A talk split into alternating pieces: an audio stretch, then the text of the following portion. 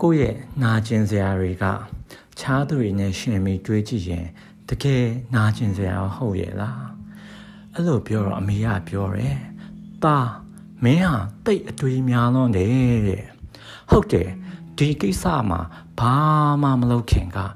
အမေကြီးဒီနိုင်ငံကထွက်တော့မယ်လို့အတန်တိတ်တိတ်နဲ့ပြောလိုက်တုံးကတော့မှငိုအမေကငိုတန်ပပနဲ့အေးလေ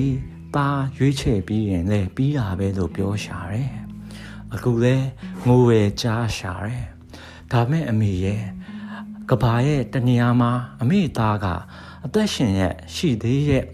စိတ်မလျှော့နဲ့ပေါ့နေရာတွေတစ်ခါပြီးတစ်ခါရွှေ့နေရပေမဲ့ရွေးချယ်မှုတွေတစ်ခုပြီးတစ်ခုပြောင်းနေရပေမဲ့အရင်လိုပဲ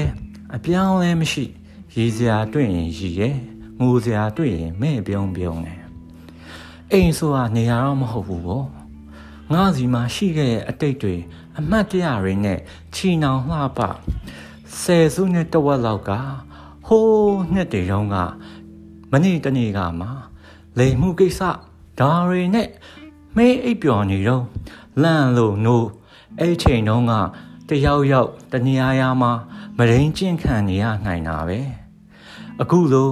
ခြားသူတွေတေဆုံးချိန်မှာဘာကောင်ဟလို့တီဆောက်နေသူတွေအတွက်ငါမှအံ့ဩစရာများလုံးလို့လိုအပ်တာထက်ပြောမထွက်အောင်ပါဇက်ကိုကျင့်ယူရတယ်အမေရဲ့သူမှုကွန်ရမှာတော့အရာရာကလှလုံးပါတယ်ဒီတိန်နေရဲ့ဒီလူတွေရဲ့ဒီပတ်ဝန်းကျင်ရဲ့ပနံတဲ့လုံးပါရဲ့